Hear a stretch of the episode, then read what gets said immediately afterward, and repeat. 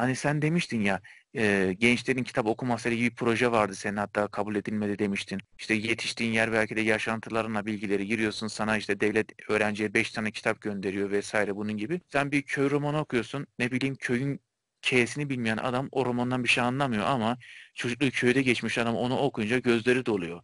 Mesela sen demiştin Pal Sokağı çocuklarını okudum. Yani apartman çocukları onu okusa bir şey anlamaz. Belki o çocuklara eşkıya gözüyle bakar. Ve hakikaten o çocukluktaki o yani büyüklerden daha böyle adam adamdan daha adamlar yani. Daha böyle erdemleri var böyle böyle hainin böyle karşısına duruyor. Ne bileyim vefa gösterin. Yani geçen Zümrüt şey diyor ne kadar çok okuyorsun ya dedim ben okumaya çok geç kalmışım. Yani ben bir 20 yaşlarda başlasaydım böyle olmazdı şimdi. Yani klasikleri bırak adı duyulmamış kitapları da okuyorum ama onur yetmiyor ya. Ben böyle kendime hedef koymuştum. Şöyle kitap okuyacağım, böyle kitap okuyacağım ama işte kaliteli yayın bulmak dert. Bunu kendin araştırıyorsun. Her önerilen kitap iyi olmuyor.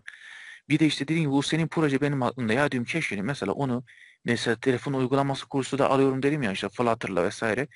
Ya bir telefon uygulama olur. Önce internet sitesinden başlarsın. Sonra telefon uygulamasına dönersin ama insanlar böyle kaliteli yayına aç. Bak yarın bir gün denk gelirse Shakespeare okurken e, sat, böyle sayfa kenarında böyle başlar 5, 10, 15, 20, 25, 30, 35, 5'er beşer sayar. Bölüm biter tekrar 5, 10, 15 diye başlar. Sayfa okurken bir yandan kenarda satırın kenarına numaralar gider. Ben bunu bilmiyordum. Araştırdım sağlam bir bilgi de bulamadım yani ya da bana denk gelmedi. En son işte Shakespeare'den güzel 3 tane kitap seçtim. İşte Macbeth, Hamlet, şey Romeo Juliet yani en çok bilinen kitaplarını seçtim. Zamanında Shakespeare'in adı öyle çok duyuluyor ki adamlar Shakespeare adını kullanarak çokça kitap yayınlıyorlar. Bir yerden sonra da ne oluyor biliyor musun? Shakespeare'in bir yerde oyunu oynanıyor. Diyorlar ki oyuncuya sen diyorlar bu oyunu ezberledin gel bize bu kitabı ezberden ver. Biz bunu basalım diyor yine bir. Bu sefer karışıklık olmasın diye o kenardaki numaralar satır numarası. Örnek veriyorum ilk kitabı karşılaştırmak için diyorlar ki 3. bölüm 25. satıra gel bakayım diyorlar. Bakıyorlar nerede ne var. Öyle karşılaştırıyor ediyorlar. Yani o zaman da Shakespeare'in adı almış başını gitmiş.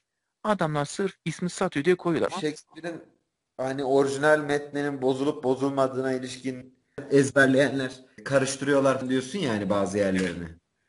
Bu tartışmanın çok daha ilginç bir versiyonu Kur'an-ı Kerim için var. Mesela Walter G. Ong'un Sözlü ve Yazılı Kültür diye bir kitabı var. Burada söylediği şey şu. İşte yazı medeniyetin kimi dönemlerinde henüz içselleştirilebilmiş değil. Tüm dünyada aynı anda içselleştirilebilmiş değil.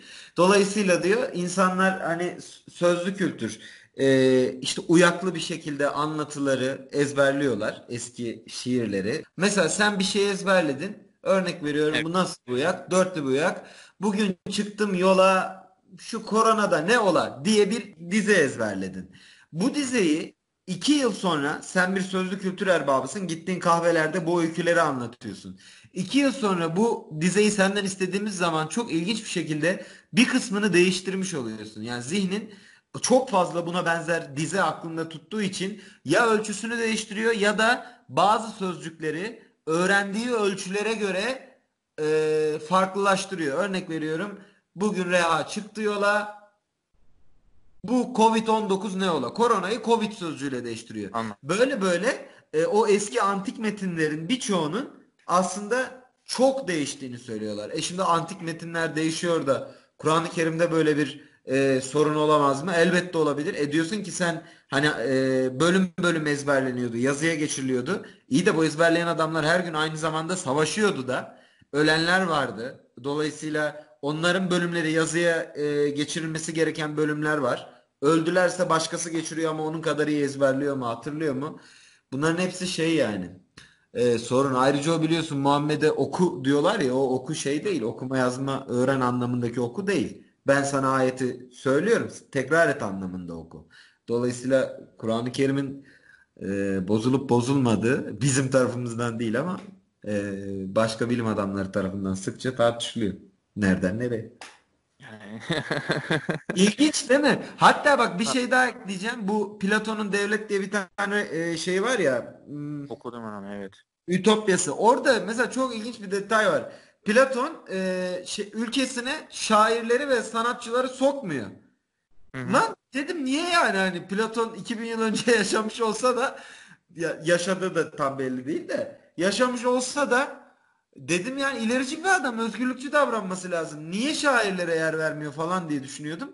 Meğersem tamamen bu sebepleymiş. Diyor ki e, hani şairler gelir benim işte kurduğum devletin iktidar düzeninin eleştirileriyle sonunu getirir falan diye düşünmüyor adam.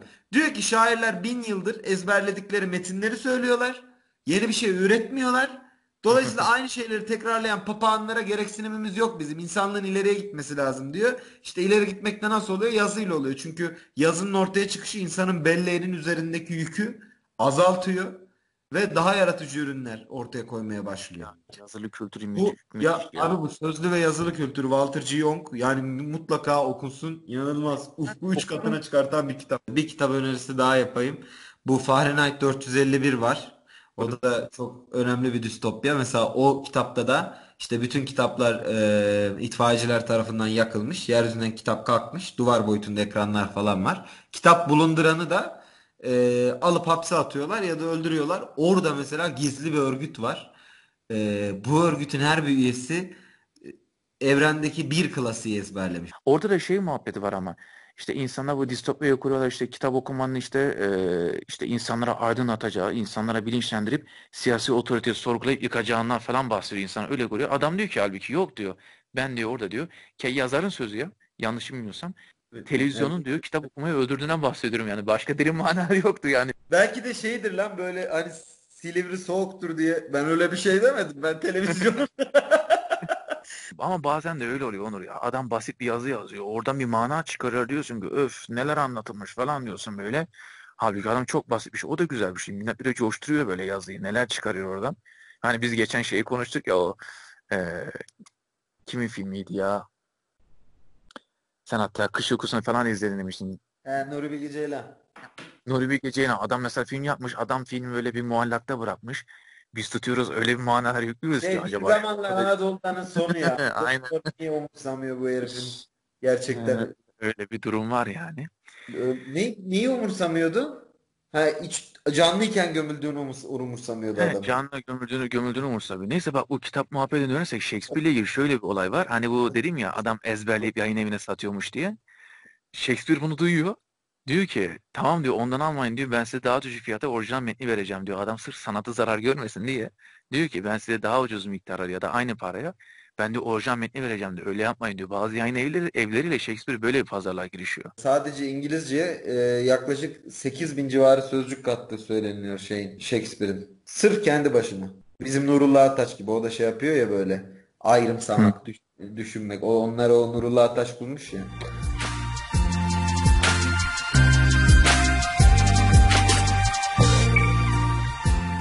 Peki o zaman sana madem bu bak notlarımı aldım anlattıklarına çok daldan dala atlamayalım geri bunlara dönelim diye. Şimdi birincisi hani bu adam yazmış ama aslında bunları bunları anlatmamış. Bazılarını da okur üretiyor diyorsun ya. Bu aslında mesela şeyle geliyor. Alımlamacılık diye bir eleştiri kuramı var. Oradan yola çıkarak böyle düşünülüyor. Eskiden şey yapıyorlarmış romanları işte tabii Freud'un gelişi var. Freud geliyor bütün alanları etkiliyor herif yani. Bütün alanları etkiliyor. E, edebiyatta da işte Freudian yorum çok popüler oluyor. Diyorlar ki mesela işte adam bir şeyler bir şeyler yazmış. Çocukluğunda büyük travmalar atlattığı düşünülüyor. O yüzden bu eser bu kadar iyi. Ya da şunu böyle anlatmış ama herhalde şu şu sebeple falan diye herifin hayatına bakarak yorumlar çıkartılıyordu. Ama bir süre sonra Bu bu eleştiri... He? Ben ona katılıyorum. O güzel. Ben bazen şey Ya yapıyorum mesela. güzel ama yeterli değil. Şöyle yeterli değil.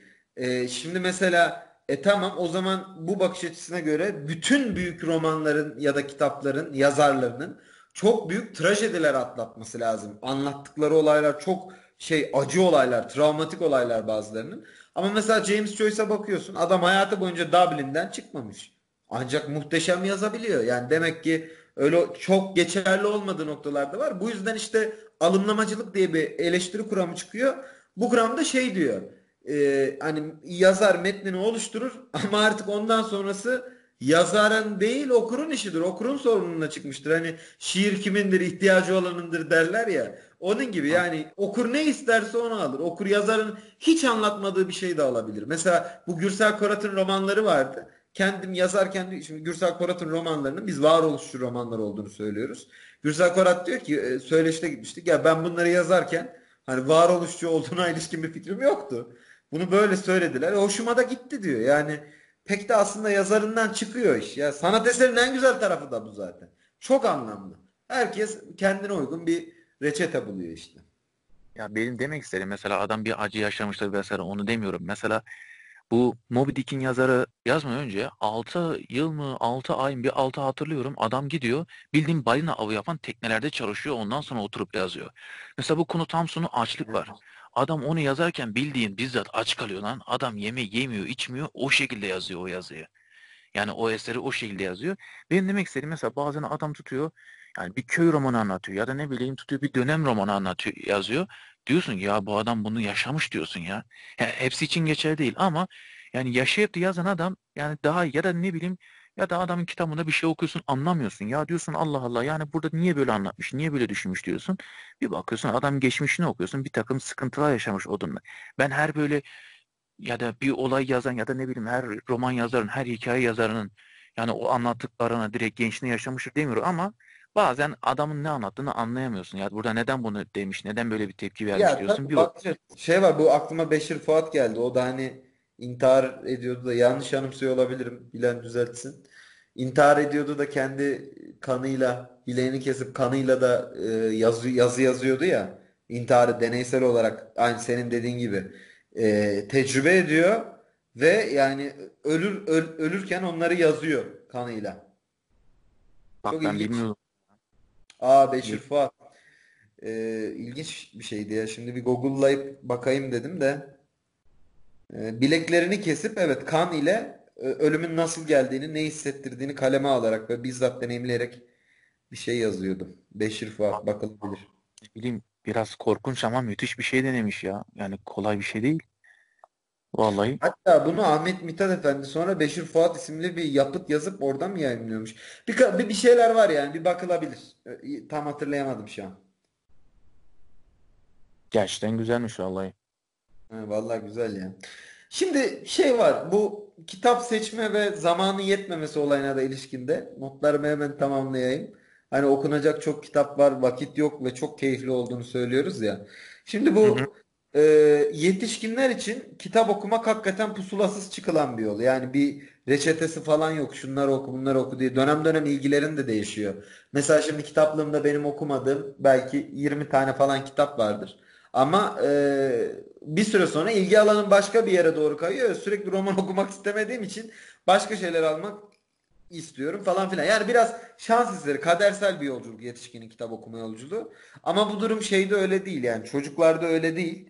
Şimdi Türkiye'deki en büyük şey e, sorun çocukların kitap okuma alışkanlığı edinmiyor oluşu. Daha doğrusu kitap okuma kültürü edinmiyor oluşları. Bazıları kitap okuma alışkanlığı ediniyor ama nitelikli yapıtlarla karşılaşmıyor. Hatta kimileri nitelikli yapıtları karşılaşsa da bu nitelikli yapıtları alımlayabilecek bir beceriye, deneyime sahip olmadığı için bu yapıtlardan sıkılıyor ve köşeye atıyor. Şimdi bu sorunun belli başlı sebepleri var. Öğretim programlarının kötü hazırlanması, Türkçe ders kitaplarında çocuk gerçekliğine seslenen fazla metnin yer almaması, yer alan metinlerin yüzeysel olarak işlenmesi işin bir boyutu.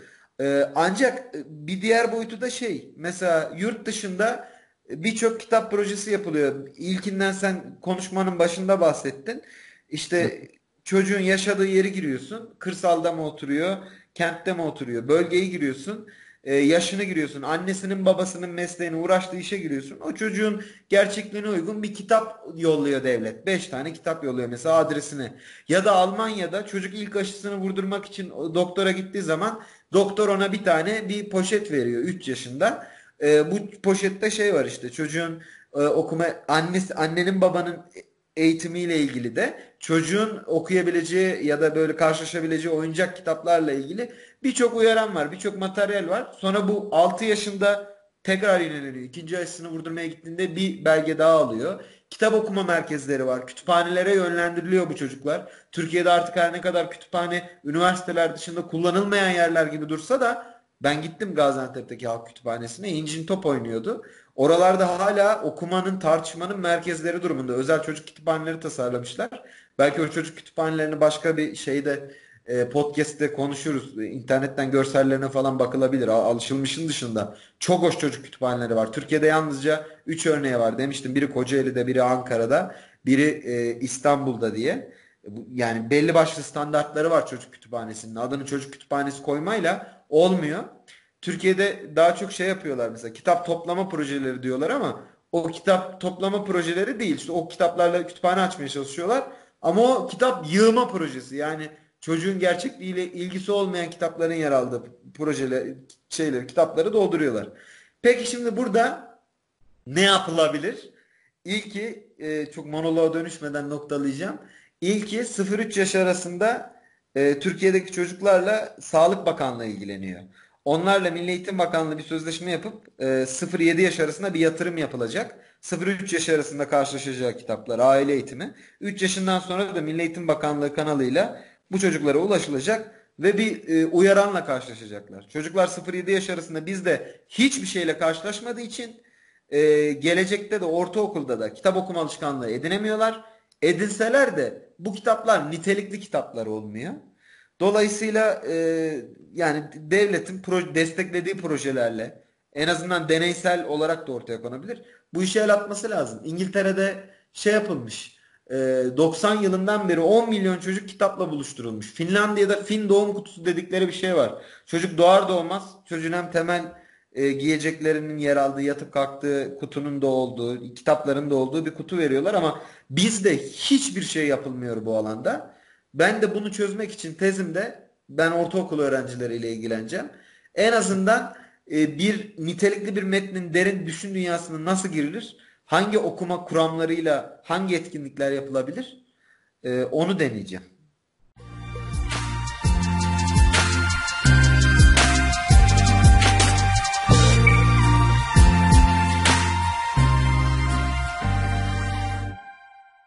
şöyle bir durum var. Mesela biz çocuk kitap alacak oluyoruz. Bakıyoruz en son ya yayın evine bakıyoruz. Ama onları benim gördüğüm şu yani çocuk bir çocuk kitabı hakikaten sevebiliyor. İki ben evde kitap okuyorum ya yani çocuk şu an okuma yazma bilse takır takır alacak ne kitap okuyacak. Tutuyor mesela benim o tüfek mikrop ve çelik kitabını yani sahiplen diye bırakmıyor onu. Bu kitabın adı ne diyorum? İnsanlar mücadele ediyor. Herhalde anlatırken bu iki kelimeyi kullanmışım. Ben bu kitapta ne anlatıyor deyince ya da gör, kapak görseline bakarak demişim. Aklına kalmış haberi ara ara açıyor. O kitabın içindeki resimlere bakıyor. Okuyormuş gibi böyle ayak ayak üstüne atıyor böyle koltukta. Duruyor böyle 15 dakika, 20 dakika, yarım saat falan duruyor. Yani elbet burada ben hani sana arada bahsediyorum ya yani kütüphaneye ben kitap alıyorum ama işte biraz da çocuğuma bırakacağım kitapları alıyorum falan gibisinden konuşuyorum ya. Yani tamam işi anneye babaya bırakmak yani kolay değil. Eminim Türkiye'de kaç tane insan kitap okuyor. Hani şeyin bir Serdar Kuzuloğlu'nun bir söyleşisinde var ya adam diyor e, günde diyor 30 saniye mi 45 saniye Türk insanı diyor kitap okuyormuştu. O da diyor zaten diyor kapak fotoğrafını çekip diyor Instagram storiesine atma evet, süresi. Maalesef ya çok çok üzücü. Yani. Öyle bir, öyle bir durum var öyle bir muhabbet var. Yani o yüzden tam insan teşvik edilebilir ama tutup da hakikaten senin dediğin gibi proje yapılsa, insanlara bu verilse, kitaplar dağıtılsa, edilse İnsanlar da o kadar şey değil, o kadar kayıtsız değil. Ya bu zor değil. Türkiye Cumhuriyeti gibi bir devlet için çok zor atılımlar değil bunlar. Bu arada senin anlattığın konuyla ilgili benim yüksek lisans tezinde bir alıntı vardı. Onu arıyordum. Buldum. Zorbaz'ı, Kemal Zeki Zorbaz mıydı? Zeki Zorbaz. Asıl adını hatırlamıyorum. O da diyor ki e, evinde bir okuma materyali olan annesinin babası yani evine bir gazete dergi giren annesi babası okuma alışkanlığı olan çocukların akademik başarısı ve yazma eğilimleri e, diğer çocuklardan ya yüzdelik arıyorum yanlış olmasın bulamadım şimdi de nereden baksan yüzde yirmi beş yüzde otuz civarında bir fark oluyormuş olumlu anlamda. Doğrudur tabii ki de. Yani çünkü çocuklar geliyor okulda bazen diyorlar hocam biz bu matematik sorusunu anlayamadık ya Türkçe olarak anlayamıyorlar. Fen olarak feni anlayamıyor adam. Yani sosyal bir inkılabı anlayamıyor adam.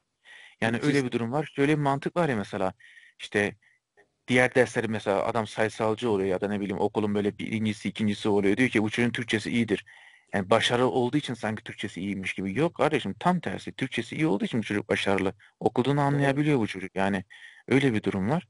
Adam bence gayet doğru söylüyor. Ya bir de yani evde ne görsen onu yapıyorsun. Ortama uyuyorsun istesen de istemesen de. O evde bütün gün televizyon izleyelim. Akşam yemekten sonra televizyon karşısına oturup yatana kadar televizyon izleniyorsa o evde yani e, çocuk da bunu yapacak. Hani okuduğunu anlama becerisi var ya yani matematik, e, kimya, biyoloji hangi alanda olursan ol e, okuduğunu anlama becerisi iyi olan bir adamın yani başarısız olma olasılığı yok ya. Hem düşünce süreçleriyle okuma arasında bir ciddi bağlantı var. Anlatmıştım. Ana, işte ana dilinde ne kadar çok sözcük bilirsen o Evet. kadar bir düşünme şeyine sahip oluyorsun, becerisine sahip oluyorsun diye. E, bu PISA'da 6 seviye okuru var. İşte diyor ki yani okuduğunu çok iyi anlayan insanlar hiç bilmediği bir konuda da e, bir şeyler okuyup e, bilmediği sözcüğün tanımını öğrenip o konuda da fikirler üretebilme yetkinliğine sahiptir diyor. İşte bugün hani şaşırıyoruz. Bunlar nasıl girişimci? Bili- girişimci mi, esnaf mı, bilim adamı diye bir şey değil. Nasıl böyle devrimsel girişimler falan yapıyorlar diye işte Steve Jobs'a, Elon Musk'a şaşırıyoruz ama temel sebebi bu. Bu, bu herifler inanılmaz büyük okurlar yani. Hiç anlamadıkları alanlarda da düşünce yürütebildikleri için çünkü okuduklarını çok iyi anlıyorlar. Ee, genelde el attıkları alanlarda ya da yatırım yaptıkları mühendislerde hiç bilmedikleri alan, alanlara ilişkin fikirlerinde de genelde başarılı oluyorlar. Ee, Ashley Vance'in Elon Musk biyografisini yazdığı bir kitabı var. Ben onu okumuştum. Çok etkilenmiştim. Herif e, çocukluğunda e, doğduğu şey yerde kasabada e. Amerika doğumlu değil biliyorsun. Afrika mıydı Evet. neydi unuttum valla. Güney Afrika'ydı herhalde. Doğduğu kasabanın kütüphanesindeki kitapları bitirmiş. Ve ha, cumartesi pazarları 3 ya da 4 kitap bitiriyormuş. Bu ailesi için artık çok normal bir şeymiş. Okuduğu kitapları bitirmiş kasabadaki. İşte yerel yönetimle şey yapmış, iletişim kurmuş da her hafta onun istediği kitaplar geliyormuş şeyden, ulusal merkezden. Adam oku yani bulunduğu yerin kütüphanesini bitirmiş. O başarıların hiçbiri şans değil yani.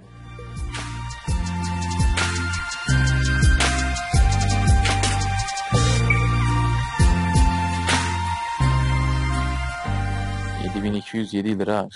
Japonya ülkesine gelen turistlerin yarım masrafını karşılıyormuş. Japonya'ya gidelim kardeşim. Soylar aynı zaten onların. Hepsi at, at 10 şey onlar. abi 10 saat falanmış lan. 10 saat 7000. Bir de hani 10 saat gidiyorsun gittiğin yerde saat kaç? Onlar da çok acayip şeyler hiç yurt dışı Bir de görmedim. saat şey orada doğu orası. Buradan bir insan sabah 10'da değil de herhalde 10 saat gidiyorsun. Yani kilometre 7000 yok. Kilometreye koyacaksın işte dakika farkını vesaire. Orada babam Kazakistan'da çalışırken 3 saatti saat farkı. Şimdi de bir 6-7 saat falan yani saat farkı olsa bildiğin kafadan bir gün kaybedersin belki de ya. Hilal gitmiş Fas'a da mesela 3 saat kazandım diyordu. Ha ama o batıya gidiyor. Güneybatı diyelim işte. Yine batıda Güney batı, Akdeniz batı. Batıya gidiyor Avrupa'nın 3 saat kar ediyor. Doğru Çin'e gidersek 16 saat falan sürmüş oluyor bizim saatle. 10 saat ama 6 saat daha kaybediyor. Bir gün Yani gidiyor. yani mesela akşam gece 12'de mi insen ertesi gün yine böyle 4-5 gibi akşama doğru olacaksın. Bir daha akşam olacak. Değişik bir şey ya. Jet lag dedikleri olay o zaten yanlış bilmiyorsam. Bana şu an daha uygun. Mesela beni götür diğer doğuya 12 saat doğuya tam uyumlu olurum gündelik yaşama şu an. Beni 7 bin lira daha çok sarsar.